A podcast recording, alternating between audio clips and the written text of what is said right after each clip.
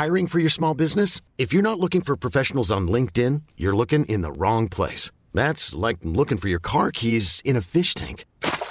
LinkedIn helps you hire professionals you can't find anywhere else, even those who aren't actively searching for a new job but might be open to the perfect role. In a given month, over 70% of LinkedIn users don't even visit other leading job sites. So start looking in the right place. With LinkedIn, you can hire professionals like a professional. Post your free job on linkedin.com slash achieve today.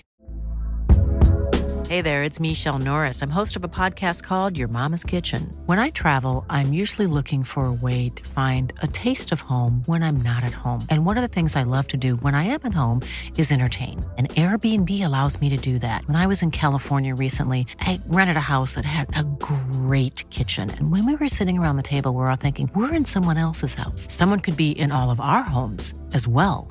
If you have a home, but you're not always at home, you have an Airbnb. Your home might be worth more than you think. Find out how much at airbnb.com/slash host. There's never been a faster or easier way to start your weight loss journey than with PlushCare. PlushCare accepts most insurance plans and gives you online access to board-certified physicians who can prescribe FDA-approved weight loss medications like Wigovi and Zepbound for those who qualify. Take charge of your health and speak with a board-certified physician about a weight loss plan that's right for you. Get started today at plushcare.com slash weight loss. That's plushcare.com slash weight loss. plushcare.com slash weight loss.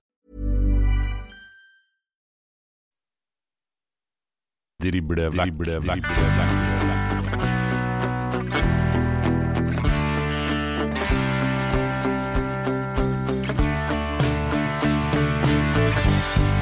Vekk, drible vekk.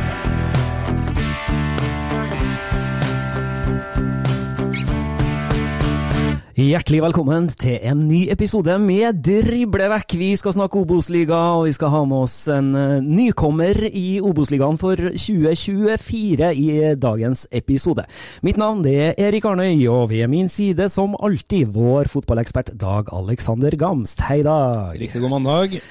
Yes, da er vi tilbake på mandagskjøret igjen. Ja da, det, vi må intensivere oppkjøringa vi har nå, komme oss på, på skinner igjen. Og vi fortsetter jo egentlig denne rundturen vår, eh, må vi si, med at vi vil bli kjent da, med, med nye lag som skal være med å forme denne her fantastiske ligaen i, i fotballåret 2024. Det har du helt rett i. Og dagens gjest her i Driblevekk, han er 23 år. Han, han eh, har eh, faktisk Han hadde bursdag i går.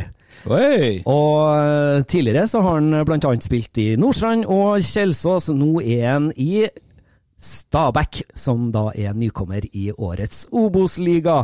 Da skal vi ønske hjertelig velkommen til Driblevekk, vi, Rasmus Eggen Winge. Jo, tusen takk. takk. Så var fin, eh, fin introduksjon, det. Yes, gratulerer med gårsdagen. Hipp hurra. Takk, takk. Det må si at det føltes deiligere å være 22. Jeg føler meg litt ung da, men eh, ja, man blir nok gammel eh, Ja, man blir gammel til slutt. Man, jeg òg. Sant. Eh, Jeg er jo en gammel mann sammenligna med dere to, han, så Ta, Så ta, tar til meg det. ja, det er bare å glede seg. Det blir bare likere og likere. Ja. Det, Trener Bradley, da var det åpent for å ha en bursdagsfest i helga, eller? nei, eh, det skulle ha vært hemmelig i så fall. Ante meg det. Ja.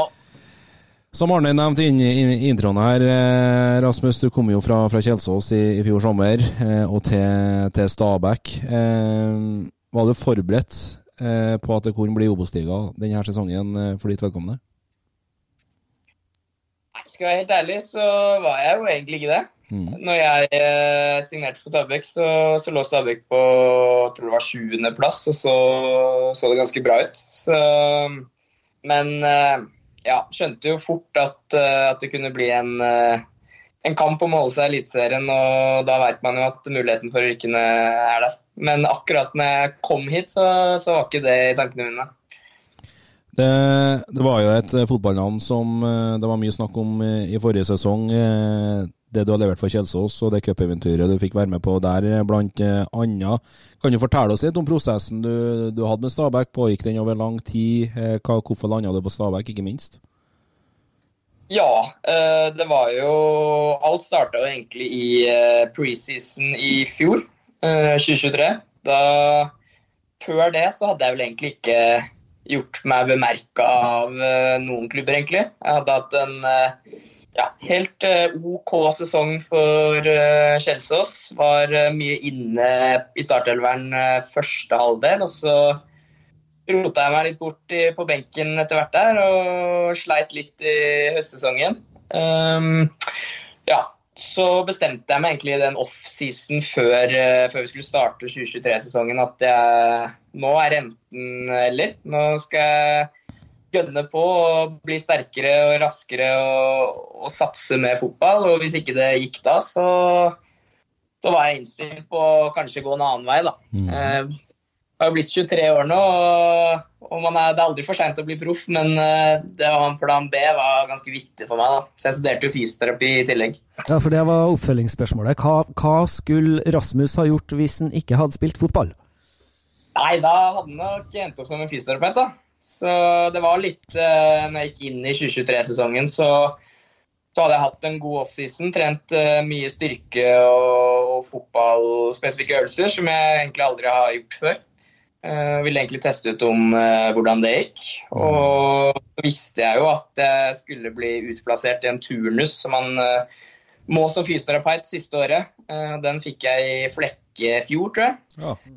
Eh, Så da satte jeg meg egentlig et sånn eh, ja, en litt frist sånn innen sommeren at hvis ikke det hadde skjedd noe drastisk i fotballen da, så, så var jeg klar for å trappe litt ned og, og gå den veien istedenfor. Um, så- men det skjedde jo ikke, da. Men um, ja, nei, i preseason så, så merka jeg fort at uh, ting hadde skjedd, og at uh, den jobben jeg hadde lagt ned, begynte å gi resultater.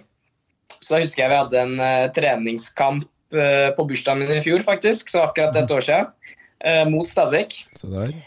Og eh, da spilte jeg vel den beste kampen jeg noen gang har spilt før, tror jeg. Mm. og gjorde meg veldig bemerket av, av Stabæk, eh, som eh, også hadde lyst til å ha meg med på, på prøvespill eh, etter den kampen. Jeg tror det var eh, ja, en to ukers periode eller noe sånt. Eh, men da hadde jo jeg eh, praksis som fysioterapeut. Og eh, ja, måtte da bestemme meg for om jeg skulle droppe den praksisen og derfor stryke i faget, eller eh, ta sjansen og trene med Stabæk. Og da valgte jeg å drite i Stabæk eh, og gå for praksisen istedenfor. Så, så var det noen, noen andre klubber, jeg tror Hødd var veldig interessert i å, å få meg òg, og det ble det ikke noe av. Ehm, så da spilte jeg for Kjelsås i, i, frem til sommeren, og møtte vi tilfeldigvis eh, Stabæk i cupen. da. Ja, gjorde jeg det? Og da spilte jeg vel min eh, beste kamp eh, noen gang har gjort da òg.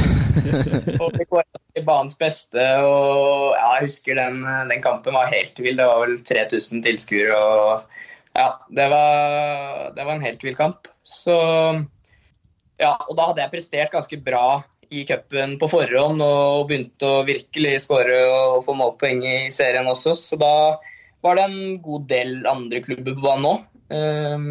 som, som var interesserte og som, eh, som førte seg med både klubb og agent. Og da er det Men, fortsatt, i, eh, da er det fortsatt klubber i Norge, eller er vi på tur til utlandet? eller? Ja, eh, bare klubber i Norge. Mm.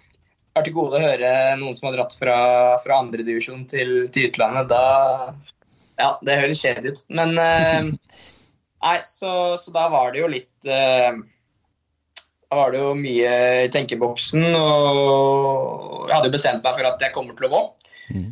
Eh, og så var det jo på en måte naturlig for meg, siden Stabæk var den klubben som var helt klart mest interessert, og, og som hadde en plan for meg og hadde lyst til å på en måte satse på meg. Det var jo tror bl.a. Strømsgodset var interessert, men der var det litt mer sånn eh, Ja, vi, vi har lyst til å signere deg, og så er du tiltenkt andre lag òg, så får vi se hva som skjer. Og det var jeg ikke så, så veldig gira på, egentlig.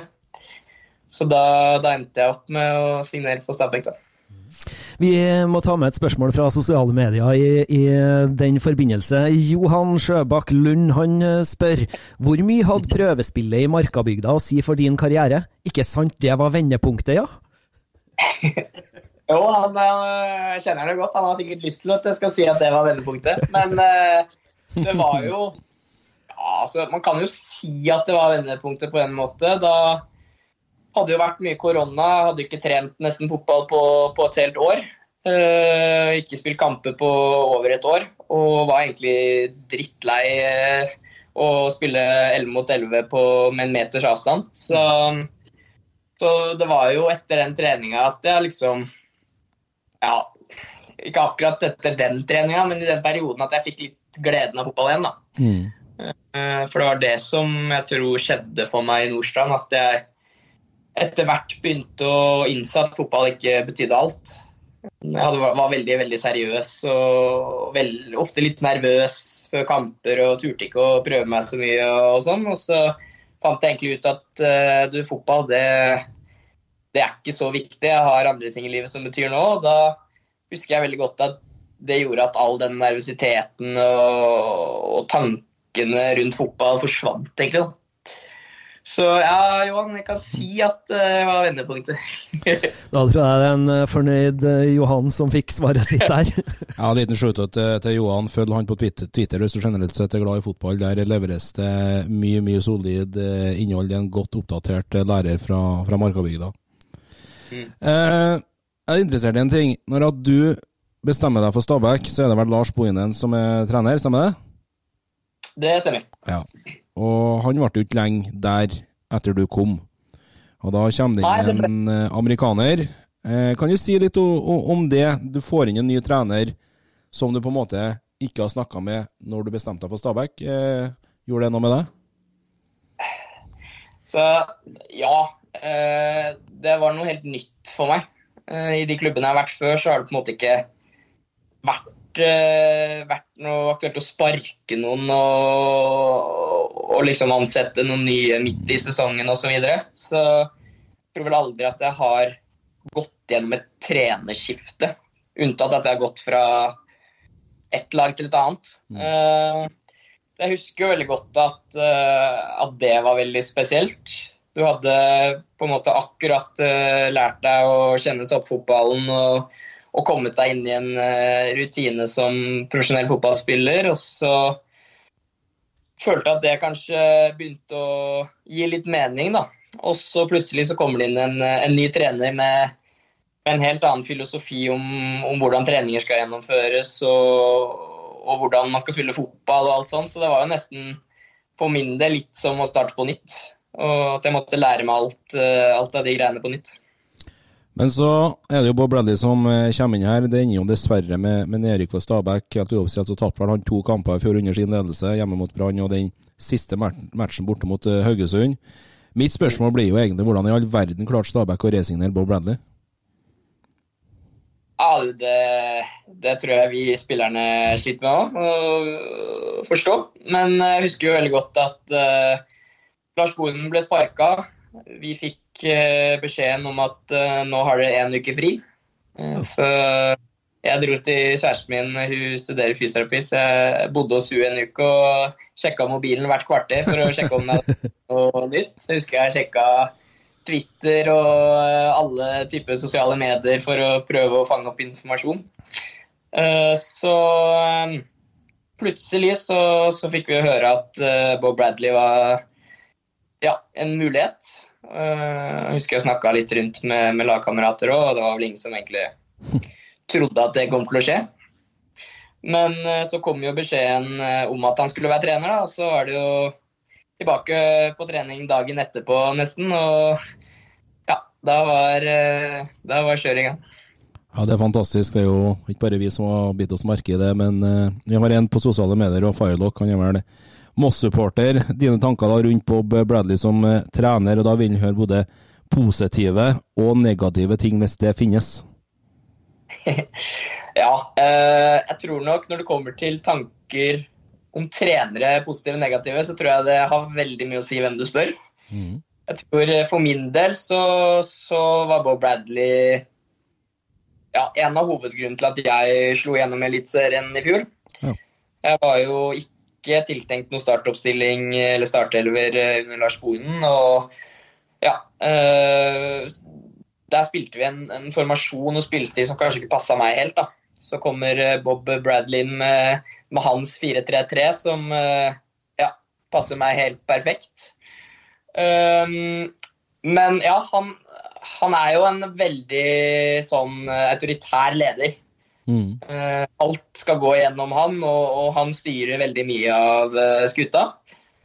Og um, ja, selv om han er en utrolig hyggelig og fin fyr, så, så er han jo streng. Og veldig, veldig direkte og ærlig.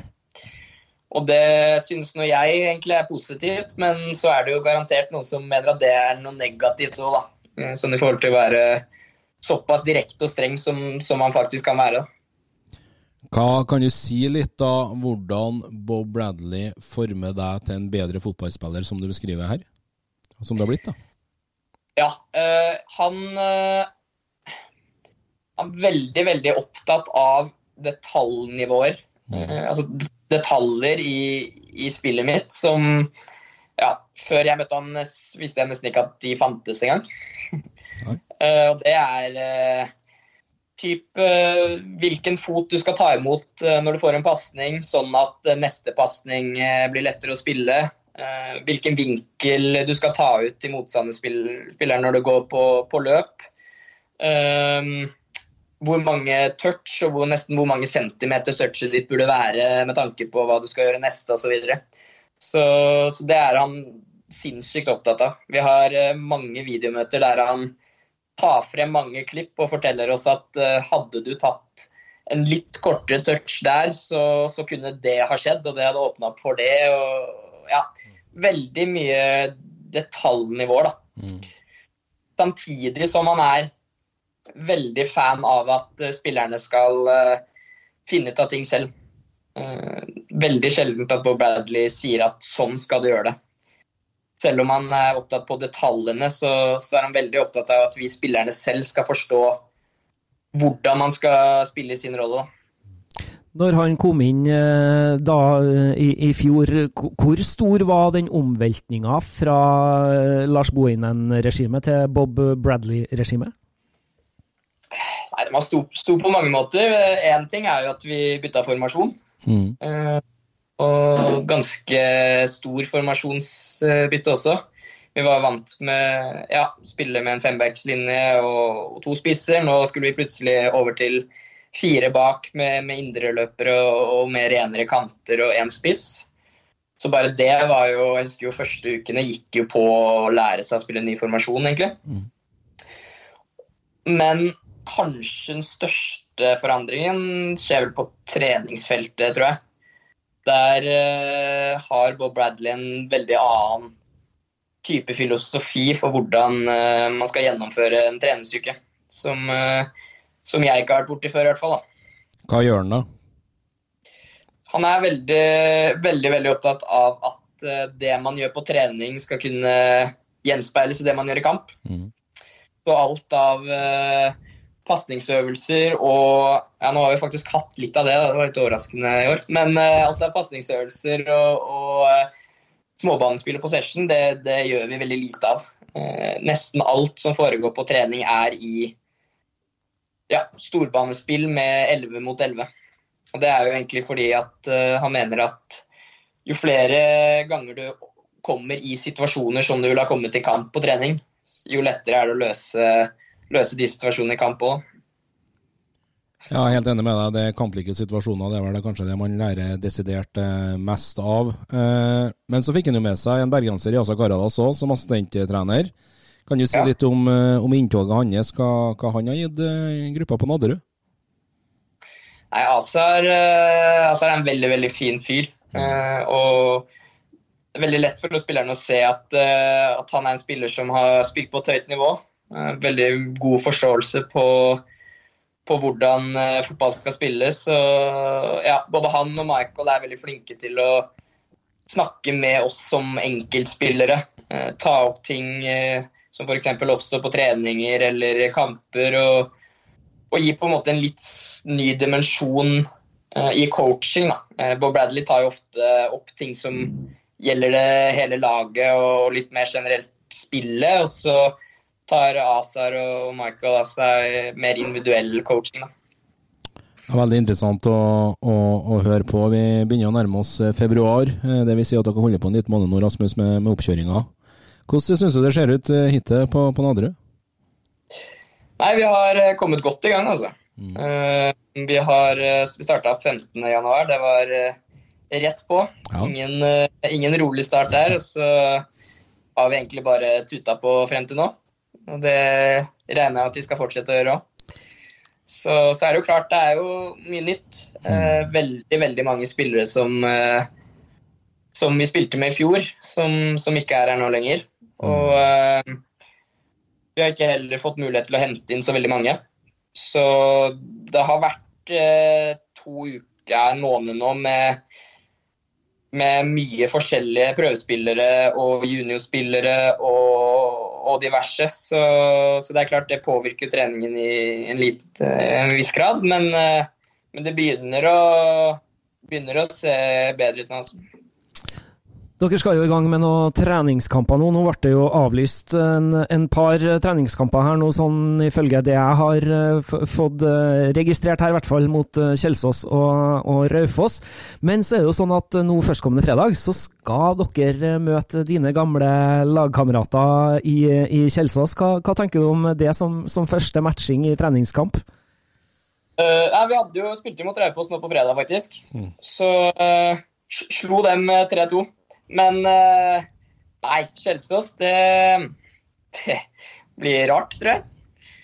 Eh, kjenner jo alle i Kjelsås veldig veldig godt. Har et utrolig godt forhold til både trenere og ja, fysioterapeuter og, og, ikke minst spillerne. Så jeg har ikke fått mulighet til å møte dem så mye nå etter at jeg dro til Stabæk, så det blir sikkert kult å catche opp det.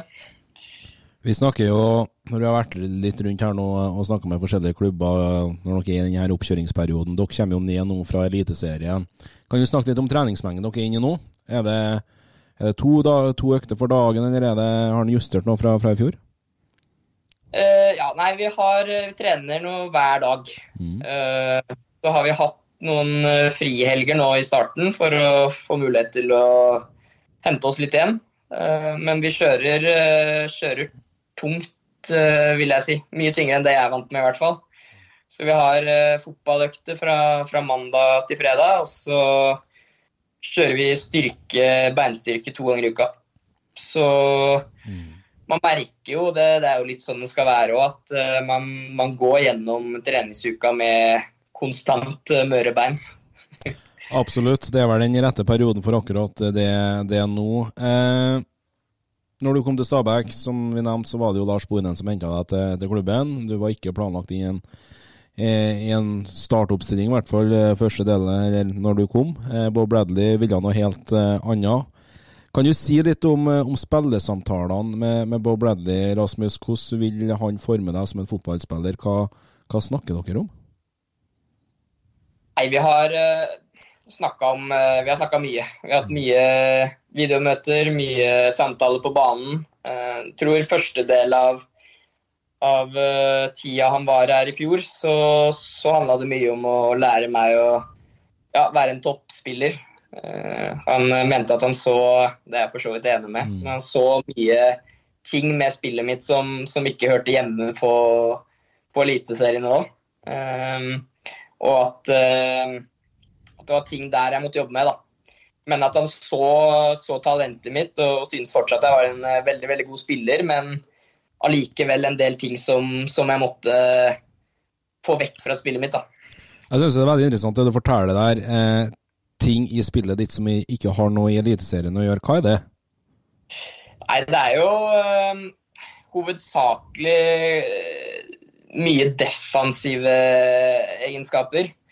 Uh, før så, så, har jeg ikke hatt et sånn veldig stort forhold til viktigheten av uh, hva de gjør som defens, ja, hva de gjør i det defensive spillet som kant. Mm. Uh, men hvis man på en måte får lov å være med på, på treninger og, og, kamper, så forstår man at den defensive delen av det å være kant også er Ja, det tar mye plass. Nesten mer enn, mer enn det offensive. Så, så, det har vært mye fokus på, um, hvordan jeg skal uh, gå i press, hvordan jeg skal avskjære pasningsmuligheter, hvordan jeg skal håndtere to mot én-situasjoner på, um, på kantene osv. Og, mm. og mye i forhold til valg med ball.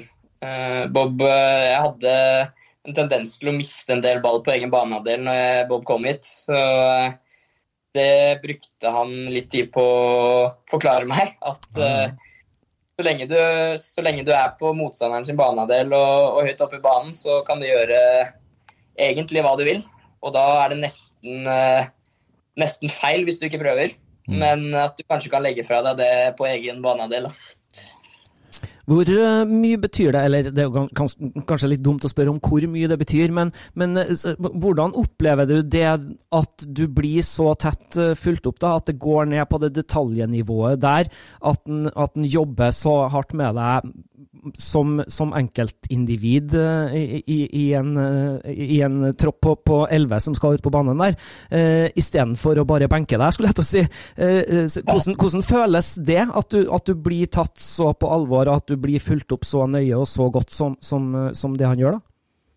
Jeg tror nok uh, det er litt ja, litt blanda følelser, i hvert fall i starten. Uh, tror nok eh, når Bob kom hit, så var jeg ikke vant med å få så mye coaching én til én. Og, og, han tok meg for veldig, veldig mye. Eh, stoppa treningene hver gang jeg kanskje ikke gjorde et bra nok valg. Stoppa treningene hvis, eh, hvis jeg ikke gjorde en god nok jobb defensivt osv.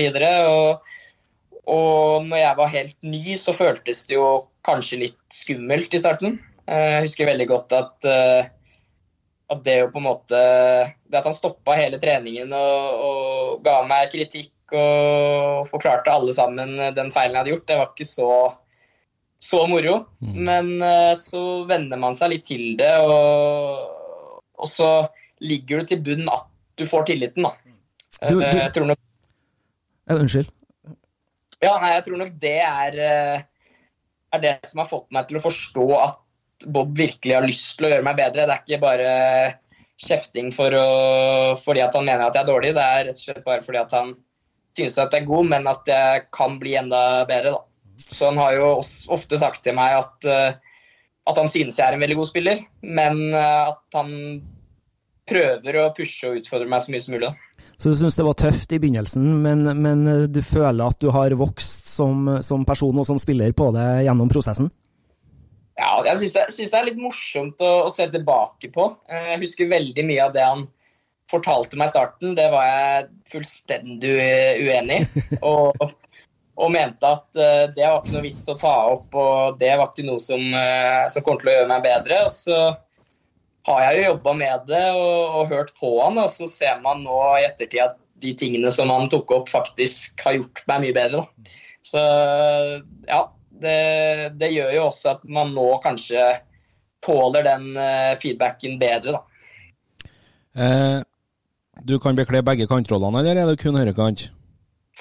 Nei, jeg eh, har spilt egentlig mest venstrekant. Ja. Uh, det er nok egentlig det jeg føler meg mest komfortabel med òg. Mm. Så det også har jo vært en litt vanskelig overgang. Brukt ganske lang tid på å forstå hvordan jeg skal prøve å gjøre meg så farlig som mulig på den kanten òg, da. Ehm, med tanke på at jeg er jo høyrefot, så det å skjære inn f.eks. er jo mer unaturlig for meg å gjøre på, på høyre siden venstre. Men jeg begynner å, begynner å få knekke litt koder nå som, som gjør at uh, ja, det, det begynner å bli ganske bra det blir veldig veldig spennende å følge med på deg og, og Stabæk utover denne her sesongen, om stegene du tar, og ikke minst eh, laget. Eh, det er jo to sesonger nå siden Stabæk var i Obo sist, og da var de her sammen med, med Brann. og Da ble det omtalt at det var to lag som egentlig skulle ha vært i Eliteserien. For vår del så tror jeg kanskje denne sesongen blir den tøffeste Obos-ligaen, eh, og den mest kanskje attraktive sesongen vi har hatt på, på mange mange år, med Vålerenga her, eh, Stabækken er Ålesund. Kongsvinger vet vi kan finne på det meste. Hva skjer i Kristiansand? Eh, Sogndal, OK, med Tor André Flo. Eh, har dere snakka litt om det her i, i, i laget, Rasmus? Eh, hvor tøft egentlig det blir å, å, komme seg opp igjen? Ja, vi, vi, har, jo, vi har, jo, det. Eh, det er ikke noe tvil om at konkurransen i år kanskje er, eh, ja, tøffere enn det noen gang har vært, nesten. Um, og samtidig så tror jeg vi som kommer fra Eliteserien og er vant med en del oppmerksomhet og tilskuere og, medieoppmerksomhet, kanskje ser på det som en kul mulighet òg. Uh, for vi veit jo at når lag som ja, Vålerenga, Ålesund og, og oss er i Obos-ligaen, så tror vi i hvert fall at oppmerksomheten rundt Obos-ligaen kommer til å bli ganske bra. Uh, og det merker i hvert fall jeg på, at, uh, at det er ganske kult. da. For man har jo lyst til å ja, man har jo lyst til at folk skal følge med på, på det man driver på med, og se kampene, og at det skal skrives om, om Obos-ligaen òg. Mm. Så jeg tror nok heller vi synes at det er kult heller enn dumt og utfordrende. Hvor godt fulgte du sjøl med på Obos-ligaen i fjor? Jeg fulgte ganske godt med, faktisk. Jeg synes jo Obos-ligaen er Jeg har aldri spilt der før. Jeg synes jo Obos-ligaen er ja, skal jeg si, ja, nesten litt kokos. Mm -hmm. Vet aldri hva som kommer til å skje. Og det er stakkars de som har i oppgave å prøve å spå noe tabell før sesongen. Det det er vel aldri noen som har truffet bra på den, tror jeg. Nei, så... takk, takk, skal ha, må vi, vi si der, for vi, vi, skal jo sette opp et tabelltips. ja, tre treff i fjor. Det, det, er vanskelig, og det, det, varierer såpass fra hvert år. Og, og ja, du, du, får resultater i Obos-ligaen som du aldri kunne ha spådd på, på, forhånd. Så, men det er jo litt kult òg, syns jeg. Jeg er helt, helt, enig med deg. Eh, kan inn litt på et litt tidlig tidspunkt for dere ennå, men er det, er det, direkte opprykk som er målet til Stabæk? Det er det. Ja. det. det. er jeg veldig sikker på, og det er nok klubben også veldig innstilt på. Så, så, det er eh, absolutt det vi går for. Altså. Aldri for tidlig å si det, nei, si. Nei, nei det, det, bestemte vi oss for uh, to minutter etter Haugesund-kampen. Men uh, hvor overraska ble du når uh, du så det faktumet at Vålerenga også rykka ned? Jeg husker jeg så, så, den kampen, jeg så begge kampene faktisk. var 110% sikker etter den første kampen i Kristiansund at det her blir walk in the park for, for Vålerenga. Det var nesten ikke så jeg gadd å se den engang. Så, så skjedde jo det som ikke skulle skje, da. Eh, det var nesten Ja, det var, det var ganske sykt, faktisk. Og, eh, mildt sagt. Det var ikke forventa i det hele tatt. Så for min del litt blandede følelser, fordi jeg tror nok eh, Vålerenga er en større konkurrent i, om opprykksplassen enn det Kristiansund hadde vært. Men eh, samtidig kult. Det, som spiller så er det å, å spille på Intility foran eh, mange, mange tusen fans, det, det, er, eh, det er morsomt. Så jeg um, tror nok jeg egentlig for min del tenker på det som, eh, som en litt morsom ting, da.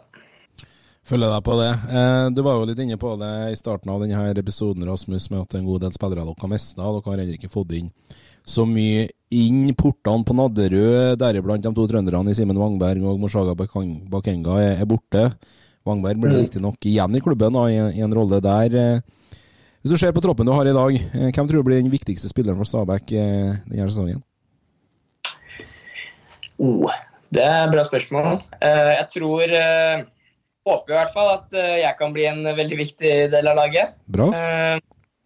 Så har du Nicolay Næss, som, som er en klassespiller som som styrer mye av uh, frispillinga og, og possessionen vår. Um, og han er nesten litt sånn at du veit at han kommer til å, å, bli en av de viktigste spillerne også.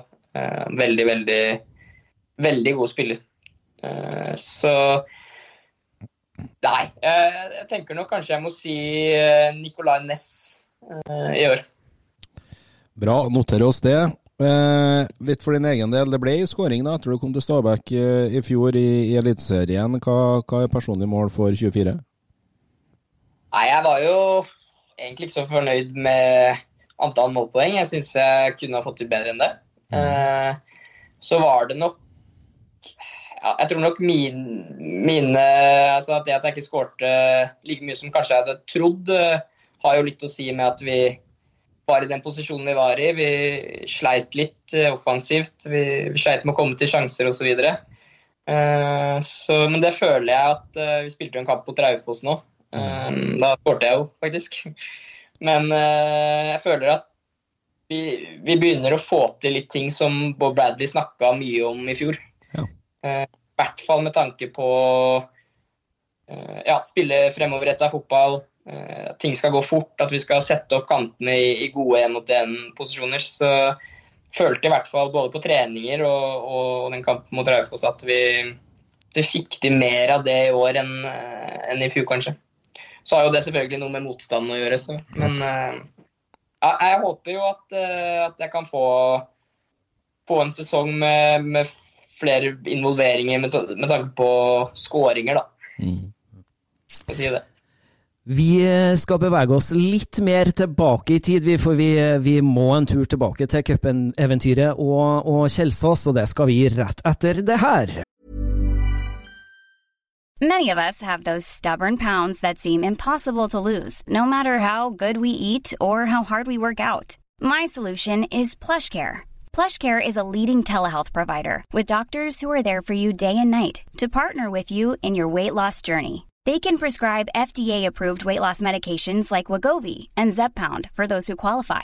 Plus, they accept most insurance plans. To get started, visit plushcare.com slash weight loss. That's plushcare.com slash weight loss. Hiring for your small business? If you're not looking for professionals on LinkedIn, you're looking in the wrong place. That's like looking for your car keys in a fish tank.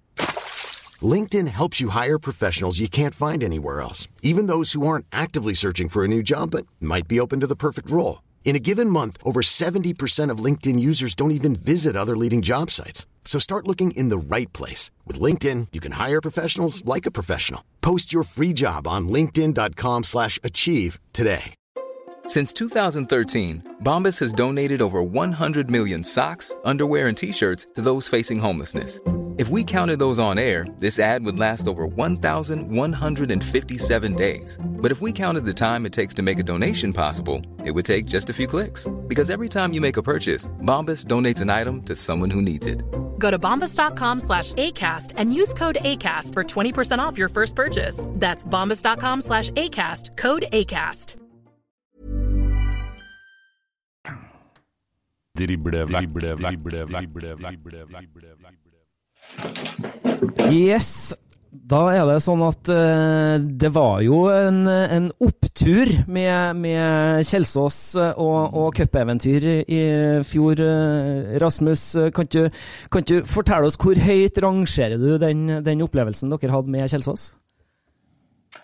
Nei, det var Det var ganske ja, høyt oppe, må jeg si. det blir jo annen, annen ting, fordi jeg hadde jo på en måte både den cupopplevelsen i fjor, men samtidig så hadde jeg også opplevelsen av å plutselig ja, spille Eliteserien. Eh, men når det kommer til ja, hva jeg synes var best, så må jeg kanskje si cupen. For det var, det var, noe litt spesielt med det. Eh, det var liksom en følelse i hele klubben og egentlig hele området om at uh, det her skal ikke gå. Og og etter Stabæk-kampen så var det på en måte hver eneste kamp vi vant, var bare en sånn superbonus som ingen hadde sett for seg. Uh, så jeg husker jo veldig godt at den perioden der var uh, Ja, vi levde vel litt på en ski, tror jeg, eh, hele gjengen. Um, det er jo snakk om en semifinale her mot cupvinner Molde hjemme på Kjelsås. Det, det, er rett og slett imponerende. Ja, det, det er sjukt. Og så tror jeg nok det, det som gjorde, gjorde det så, så, kult for min del, var at man, man, gikk ut og spilte mot ganske, ganske store lag som var antatt mye bedre enn oss. Og så hadde man på en måte ikke noe nerver eller noen forventninger eller noe som helst. Eh, jeg tror nok det er en stor forskjell fra når jeg kom til Eliteserien. Der var det forventninger, og, og det var press, og, og, det var eh, folk som på en måte krevde at du gjorde, gjorde en god jobb. Mm. I det cupeventyret så, så var egentlig bare alle stolte av eh, prestasjonen din uansett. Eh, så, så, da gikk Ja, vi spilte jo, spilte jo mange kamper uten noe press, der vi bare rett og slett spilte for gøy, nesten. Slippe litt vekt vekk fra skuldrene og som du sier, bare ha det artig. og Da, da kan det jo faktisk gå alle veier, som det gjorde for dere. Så det, det må man bare bøye seg i støvet for. Og gratulere Rasmus når du var Kjelsås-spiller og leder klubben Kjelsås for en fenomenal prestasjon. Ja, helt fantastisk. Og det viser jo det at, eh, at eh, ikke bare i vår kjære Obos-liga, som vi også liker å kalle Kokosligaen, da, eh, så, så kan alt skje. Men, men her er det på flere nivå at, at man kan konkurrere med hverandre. Ja da, det, det, det, definitivt. Vi var litt inne på det, på det i sted. Du som fotballspiller under Bob Bradley. Men uavhengig av det, hva, hva syns du, hva, hvis du skal være dønn ærlig, hva er de største styrkene dine som fotballspiller? Uh, nei, altså Jeg tror nok uh, fysikken min har uh, kan ta en stor del av æren for at jeg har kommet så langt som jeg har kommet. Mm. jeg har jo en et tyngdepunkt og en fart og akselerasjon som ja, er bedre enn de aller fleste. Og det er jo mye av det jeg også spiller på når jeg, når jeg er ute på banen. Så ja, jeg tror nok det kanskje er hovedgrunnen. Eh, Jeg tror nok du har mange som er eh, bedre teknikere og, eh, og bedre pasningsføtter enn meg, men pga. at jeg har den fysikken og farten spesielt, da, så, så går man på en måte utpå der. Og når man møter en bekk som man veit man er ganske mye raskere enn, så, så får, det en, får det et overtak med en gang. Og det, det merker jeg veldig stor forskjell på når jeg kom til Eliteserien nå. I i starten så da møtte vi Brann første kampen min. Da Ja. Da var jo ikke han eh, bekken klar over farten min, og prøvde på en måte å stå høyt, eh, tett oppi meg og stå høyt i linja. Og så løp jeg fra han et par ganger, og et, etter det så, så har de fleste bekkene i, i de klubbene jeg har møtt, eh, spilt ganske annerledes mot meg. da. Så, så det er egentlig litt kult Satt kult. seg i respekt i Eliteserien, det, det er strålende. Ja, det er da har du ikke- gjort, har gjort noe riktig. Hæ? Ja, da har du gjort noe riktig, sier jeg. Ja, da, da har man gjort noe riktig. Så, men det, det gjorde det også litt vanskelig, uh, fordi det gjorde jo også at jeg måtte endre på ting. Eh, veldig I starten så, så kunne jeg bruke farten min mer, jeg kunne eh, stole mer på den. Og så etter hvert så prøvde jo selvfølgelig motstanderne å, å eliminere den. Med å f.eks. Uh, senke seg mer og ta ut mer meter på meg. Og da måtte jeg prøve å finne andre måter å, å løse det på, da. Hvordan, Så- hvordan jobber du da? Nei, det, det handler jo mye om eh, å innse at man må endre seg. Eh, fordi hvis man fortsetter å bare gjøre det samme greiene, så, så funker jo ikke det. Eh, så jeg tror nok eh, for min del så handla det mye om å prøve å utvikle andre deler av, av spillet mitt, da, som, som jeg kanskje ikke hadde brukt så mye når jeg kom fra, fra andredivisjon. Eh, fordi der er det en stor forskjell mellom ja, Eliteserien og andredivisjon i, i form av analysering og, og sånn. da. Jeg tror nok ikke så mange andredivisjonsklubber analyserer sånne detaljer hos motstanderne. Mens i Eliteserien så er det veldig veldig vanlig. Så f.eks. det å motta ballen feilvendt og, og gå inn i banen og ja, gjøre litt sånne ting også, tror jeg, tror jeg var det jeg jobba mest med. da. Veldig spennende å høre eh, når du snakker så detaljert nivå på, på hvordan du jobber, dere jobber, og for å forme dette her til et best mulig fotballag i, form av angrepsspillet deres. Eh, Du skal peke på noen svakheter du har som spiller. Hva, hva vil du få forbedre? Nei, det er, eh, det er mye, det. altså. Tror nok eh,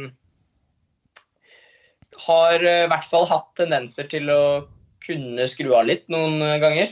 Eh, der jeg ofte har hatt noen perioder i kampen som, eh, der jeg har vært veldig på og veldig delaktig, og så andre perioder der jeg nesten har vært helt usynlig. Så jeg har prøvd å jobbe litt med det å ja, være mer til stede gjennom hele kampen, egentlig. Mm. Eh, Spesielt eh, hvis jeg har en litt dårlig periode, og prøve å, å jobbe med å snu, snu det og komme seg tilbake i, i kampen igjen. Fordi det kommer til å være altså Det er mange ganger i fjor der det kom enkelte situasjoner der jeg f.eks. mista ballen to ganger. Eh, og du hører eh, at folk på tribunene er skuffa, og du får kanskje litt kjeft fra lagkamerater. Og, og da, da, er det fort gjort å grave seg litt ned. Uh, så, så, det å prøve å være sterk mentalt der, og, og ikke tenke så mye på de tinga, men heller tenke på, på, neste situasjon, det er egentlig mye vanskeligere enn det det høres ut som. Uh, man blir påvirka av ting som skjer rundt seg. og man blir påvirka av uh, supportere, av tilskuere, man blir påvirka av hva lagkamerater sier. Så, men det er nok noe av det som har kanskje blitt en styrke med meg òg, da. Som mm. kanskje ikke var det før. Det å ja, gi litt F og, og ikke ja, være redd for å, for å prøve.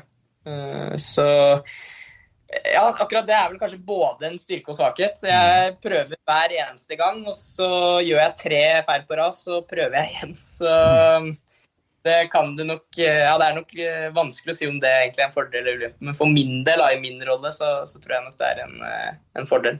Du peker jo en del på det mentale her, eh, i, i hele den, det bildet her.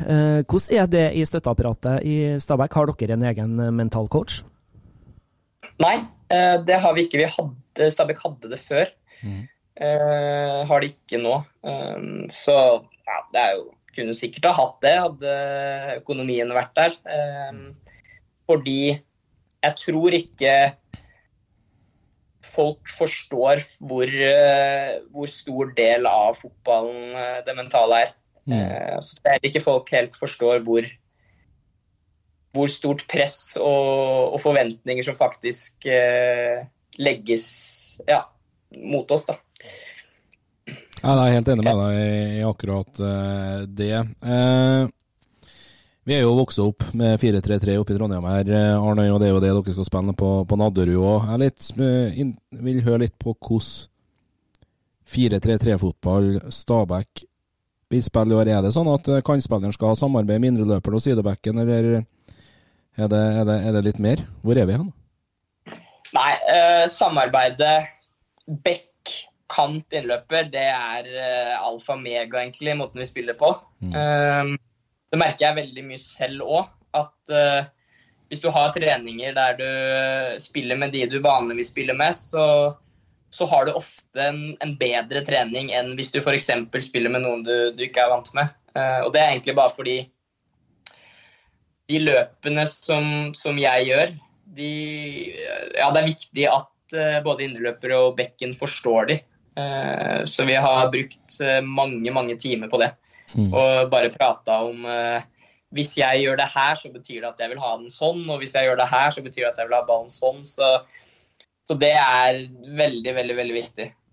så er det jo fotball der vi ønsker å, at ting skal skje fremover. Eh, veldig opptatt av å, at første toucher og pasninger skal eh, bevege seg fremover i banen. Eh, og at vi kanter skal allerede før ballen kommer til indreløperen, ha starta et løp i bakrom f.eks. Mm. Så nei, det er veldig, veldig detaljnivå på, på den fotballen vi spiller, egentlig. Det er ikke bare å gå ut på der og og tro at man skal spille 4-3-3 med kanter. og at det, det, det er det ikke. Nei, Jeg syns det er kjempeinteressant eh, å høre, for å sånn sett for gjenta meg sjøl. For vi har jo forskjellige lyttere i denne podkasten. Både dem som er så interessert i fotball som jeg og du er, Arne, og dem som kanskje er litt mindre interessert og bare ser TV-kampen som det så fint het i, i gammeltida. Men uh, det er helt uh, suverent at du gir oss en sånn detaljert beskrivelse på det, Rasmus. Og det blir enda mer forventningsfullt, i hvert fall vi som skal følge dere tett denne sesongen. Når det sparker i gang eh, andre påskedag. Uten tvil, og det er jo mange som følger dere også. Men, men hvordan syns du interessen rundt eh, klubben er nå? Hvordan er interessen rundt Stabæk? Den syns jeg egentlig er veldig bra. Mm. Det er Har nok skjedd noe etter Bob Bradley, tror jeg. Jeg tror nok det er en del supportere som har vært veldig aktive før, som, som, kanskje har dabba litt av, som nå er tilbake igjen. Um, og, og, det er ikke noe tvil om at Stabæk, i hvert fall Eliteserien, var jo en klubb som, som ikke fikk mye oppmerksomhet i, i media og, og lokalavisa, til og med. Eh, Men når du får inn profilerte personer som Bob, så, så blir det plutselig overskrifter i TV 2 og VG og, og sånn. Og det gjør jo at ja, skal jeg si, den vanlige mannen i, i Bærum og Stabæk følger med òg, da. Fordi når det kommer til supportergjengen til Stabæk, så, så, er den ja, vil si noe av det bedre faktisk i, i Norge. I hvert fall av det, det jeg har oppfatta. Men så er det jo ikke en så stor gjeng. Og Det er nok der Stabæk har litt å jobbe med, og i hvert fall opp mot andre storklubber. da. At selve kjernen i supporterklubben den er veldig aktiv og veldig bra. Og så handler det om å få mer interesse for de som kanskje ikke er like fotballgærne som, som den gjengen. da.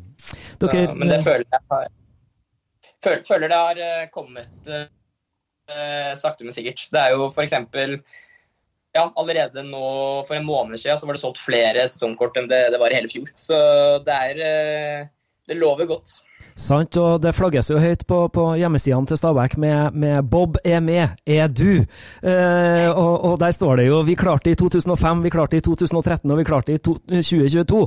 Nå skal vi klare det igjen. Vi skal rykke opp på første forsøk, men trenger alle blå i ryggen. Så det er innsalget på, på sesongkort 2024 for, for Stabæk. Så, så, så, er det jo som du sier, det, det var solgt godt med, med sesongkort ved, ved, oppstart av salget på det.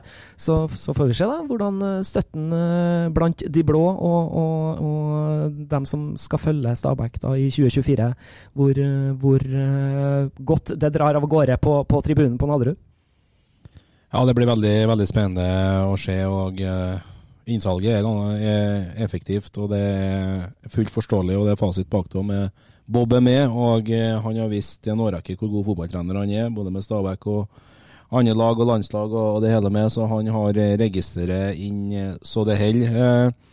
Vi snakka litt om spørsmålet til Johan Sjøbakk Lund fra tida i Markabygda i sted her, Rasmus. Og vi har og en som heter for Joakim Johansen. Hvor lyst har du på en overgang til Rosenborg og Lerkendal på en stess fra 1 til 10? uh, nei, jeg har jo en fortid med Rosenborg. Jeg har all familie i i Trondheim, mye familie i Levanger eh, spesielt. Og har jo egentlig vært Rosenborg-fan siden jeg var eh, Jeg ble født, nesten. Mm. Og vært på titalls av eh, kamper på Lerkendal og vært på fotballskole med Rosenborg og til og med trent med Rosenborg eh, G16 i tre år. Med ja, navn som Ola Solbakken og Erik Botheim og ja, Olaus som, som nå ble solgt. Så Rosenborg har vært en stor del av livet mitt eh, så lenge jeg kan huske, i hvert fall. Så det at jeg har lyst til å dra til Rosenborg én gang, det, da er eh, scoren ti. men, eh, men om, det er, om, det passer seg nå, det, det, er jeg nok ikke like sikker på. Jeg tror uh, jeg er veldig fornøyd med der jeg er nå. Mm. og tror også at kanskje det å dra til Rosenborg nå ikke er det beste for meg, da. Så, men ting, ting, kan selvfølgelig skje. Men, men en gang så har jeg lyst til å spille for Rosenborg. Det, det, er ikke noe tvil om. Alt til sin tid. Og så nevner jo Levanger her at, at, du har mye familie der. Hvor spesielt blir det for deg å, å reise på bortekamp til Levanger? Det blir uh, spesielt. Jeg har gjort det en gang før, faktisk. Når jeg spilte i, i Kjelsås, så spilte vi mot Levanger borte. Ja. Uh, det var første sesongen min i, i Kjelsås, så da var det vel uh, Ja, det var vel nesten 100 stykk på bortetribunen, og alle var kjekt med meg. Så det blir bra borteseksjon, tror jeg, i år òg. Ja, det, det blir bra. Ja, ja det blir, det blir dritkult.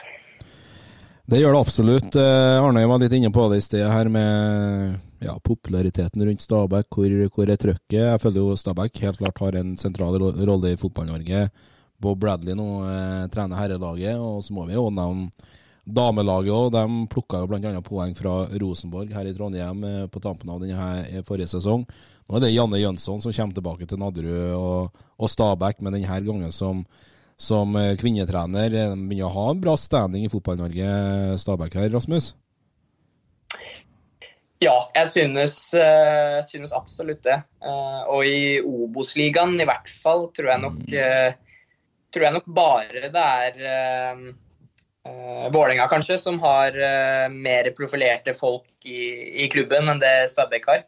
Så Nei, jeg synes det, er, det er spennende at en sånn ja, kan jo si en liten klubb, da, i hvert fall i eliteserienivå, som Stabæk eh, har, har, så mye profilerte navn. Det, det gjør godt for, for, klubben, det er ikke noe tvil om. Dag er jo inne på det med damelaget her. Hvor godt følger du med, med Stabæk sitt damelag? Vi er jo veldig tett på dem. De har jo garderobe noen få meter unna oss. og bruker jo samme treningsfelt på, i form av bane og, eh, og, styrkerom. og Jeg var på en del kamper i fjor, faktisk. Så bl.a. Eh, den sinnssyke cupkampen mot Nettorg. Eh, da presterte jeg også å dra noen få minutter før slutt. og da jeg satte meg i bilen da, så fikk jeg jo sjokk, så da måtte jeg dra tilbake igjen. Ja, prestasjon. Så, nei, følger med følger med. Absolutt. Det er bra. Det er veldig bra. Eh, seriestart eh, andre påskedag 1. april, og det er et tøft program dere åpner med, syns jeg. Borte mot Ålesund, hjemme Bryne, borte Vålerenga, hjemme Mjøndalen og Åsane borte. Fem første kampene der. Eh, hvor mange poeng er det realistisk, skråstrekk, vil du være fornøyd med å ha etter de fem første? Jeg tror nok eh, det realistiske, og det er jo hadde vært fornøyd med, tror jeg er litt forskjellig. Men uh, for min del så, så, er målet å rykke opp, og da må man ta ja, poeng og hvert helst tre poeng i hver eneste kamp. Og så er det jo sånn, I mine øyne så er, jo, er Stabæk en klubb som skal være helt i toppen. og da, da er det jo om ikke favoritt hver kamp, så skal det være favoritt i nesten alle kamper. Så ja, om uh, å ta poeng i, i, alle kampene, det tenker jeg skal være realistisk. Uh, og så blir jo selvfølgelig Vålerenga og Ålesund kanskje hakket tøffere enn de andre kampene. Men uh, ja, nei, jeg ser ikke noen grunn til at vi ikke skal kunne ta maks poeng, egentlig. Herlig. Det vil være en deilig start, altså. Fem, 15 av 15 mot de motstanderne her. Da, da er dere på god glid i 2024. Ja. Skal aldri kimse av en uh, god start, altså. Eh, vi begynner å komme rundt. Eh, Rasmus, eh, 16 lag i Obos-ligaen i året, som i fjor. Eh, hvem tror du blir årets overraskelse? Tenker du da Positiv på fortell. Eh, Stabæk eller hele ligaen? Hele ligaen. Hele ligaen. Ja, jeg skulle ha sagt meg, men jeg føler kanskje ikke at jeg får det der overraskelseskortet lenger. Eh, så da må jeg nok si faktisk en av uh, unggutta på Stabæk. Mm. To 16-åringer i Spiten, altså Oskar Spiten og Sebastian Oldreim. Ja. Vært veldig, veldig veldig gode på, på treningene etter vi kom i gang. Det er navn vi noterer oss. Du eh, ja. har jo noen sånne standardspørsmål, eh, Dag, som, som uh, han godeste Rasmus uh, aldeles ikke må slippe unna. Nei, må ikke det. Fyr løs! Beste spilleren du har spilt med? Oh, da må jeg nok si Nicolay Næss. Kanskje Isak Petterson. Ja, mm, riktig. Og kanskje, all respekt for dem du hadde i Kjelsås òg, men beste treneren du har hatt hittil i din fotballkarriere? Der uh, må jeg nok si uh, oh, Det står mellom uh, nei, så, Det som er vanskelig med det spørsmålet der, nå burde jeg sikkert starte kort, men det som er vanskelig med det spørsmålet der, er at de trenerne jeg har hatt, har hatt i så forskjellige perioder av min karriere. Mm. Jeg tror for hvis jeg hadde hatt Bob Bradley for fem år siden, så hadde nok det vært kanskje den verste treneren jeg kunne hatt, med, med den selvtilliten og troen jeg hadde da. Mm. Så, men hvis jeg skal si noe, så tror jeg kanskje jeg må si Eivind Kampen, faktisk. Ja. På, på Chelsea. Jeg synes han eh, Han henta meg fra, fra, Nordstrand, og da var jeg omtrent ingenting. Eh, og gjorde man til en eliteseriespiller på, på ett og et halvt år, det, det står respekt av. Det, det gjør det absolutt. Jeg får hjelp av Jørgen Bjørn, assistenttrener nå, det skal sies. Fantastisk eh, bra svart. Hvis du skal peke på tre ting som er årsaken for at Stabæk spiller Eliteserien 2025. Hva? Ok, Da vil jeg si eh, Må nesten eh, si Bob. Mm. Og, eh, og hele trenerteamet. Det kommer man seg ikke unna. Si at vi har en del Ganske mange spillere i, i laget som har høy, høy individuelle ferdigheter. Gode enkeltspillere. Eh, og da har jeg trukket frem Nicolay Næss og, ja, og de to 16-åringene bl.a. Uh, og mange, mange andre òg. Så jeg tror nok ferdighet på enkeltspillet tror jeg stiller sterkt. Og så tror jeg, og det er jeg veldig overbevist om òg, at eh, supporter eh, og fansen til Stabæk er eh, bedre enn eh, nesten alle klubber i Obos-ligaen. Og det, det er ting som hjelper på det. Så det er mine tre. Bare å glede seg. Det er det så absolutt da. Rasmus, vi er veldig glad for at du tok deg tid til å være med oss i Driblevekk eh, her i dag. Vi må ønske deg riktig eh, lykke til med oppkjøringa mot eh, denne sesongen, som da har avspark den andre påskedag. Og da skal dere få, få bryna dere på årets Obos-liga. Tusen hjertelig takk for at du var med oss, Rasmus. Jo, tusen takk. Det ble bra, det. Det var morsomt. Veldig, veldig bra. Vi snakkes! Jobbes. Det.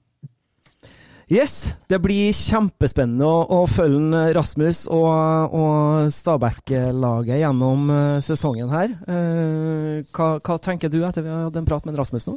Jeg tenker at først og fremst jeg gleder meg til å, til å følge det her Stabæk-laget denne her sesongen. Jeg gleder meg til å se en offensiv innoverkant i Rasmus uh, Eggen vinge. Enhver sideback i Obos-ligaen vil få store, store problemer med han.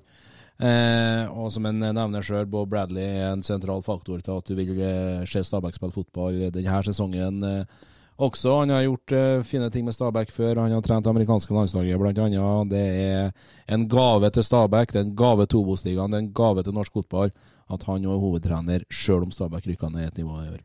Vi var jo innom det. Stabæk de var nede i Obos-ligaen for to år siden. Da gjorde de en suveren sesong sammen med Brann. De gjorde rent bord, de eh, rykka direkte opp igjen. Tror du vi får se et sånt Stabæk-lag i år, eller tror du konkurransen i Obos-ligaen blir for tøff? Det er et veldig godt spørsmål. Jeg tror jeg følger Rasmus Engen Vinge på akkurat det. Det er en hardere konkurranse i år. Du har Vålerenga, du har Ålesund, eh, Stabæk. Eh, Kongsvinger uh, vil, vil, være der. Det, jeg tror det blir tøffere, det tror jeg. Men uh, Bob Bradley er en utrolig rutinert uh, fotballtrener. Det er klart at Stabæk må ha mål om direkte opprykk, og jeg tror de blir med direkte opp sammen med Vålerenga. Det eneste som er sikkert, er vel det at det kommer til å bli klin kokos uansett. 100% Det gjør det. Vi skal runde av eh, for denne eh, gangen. Vi takker alle våre kjære lyttere for følget. Vi eh, oppfordrer dere til å gå inn i sosiale medier, følge oss der på Instagram og Twitter. Og der vil vi også oppdatere med hvem som er våre neste gjester i podden. Der går det også an å stille spørsmål til gjestene våre, så, så gå inn og følg oss på Instagram og Twitter. Vi sier takk for følget. ønsker alle sammen ei riktig god fotballuke videre. Sjalabais! Drible vekk, vekk, vekk, vekk.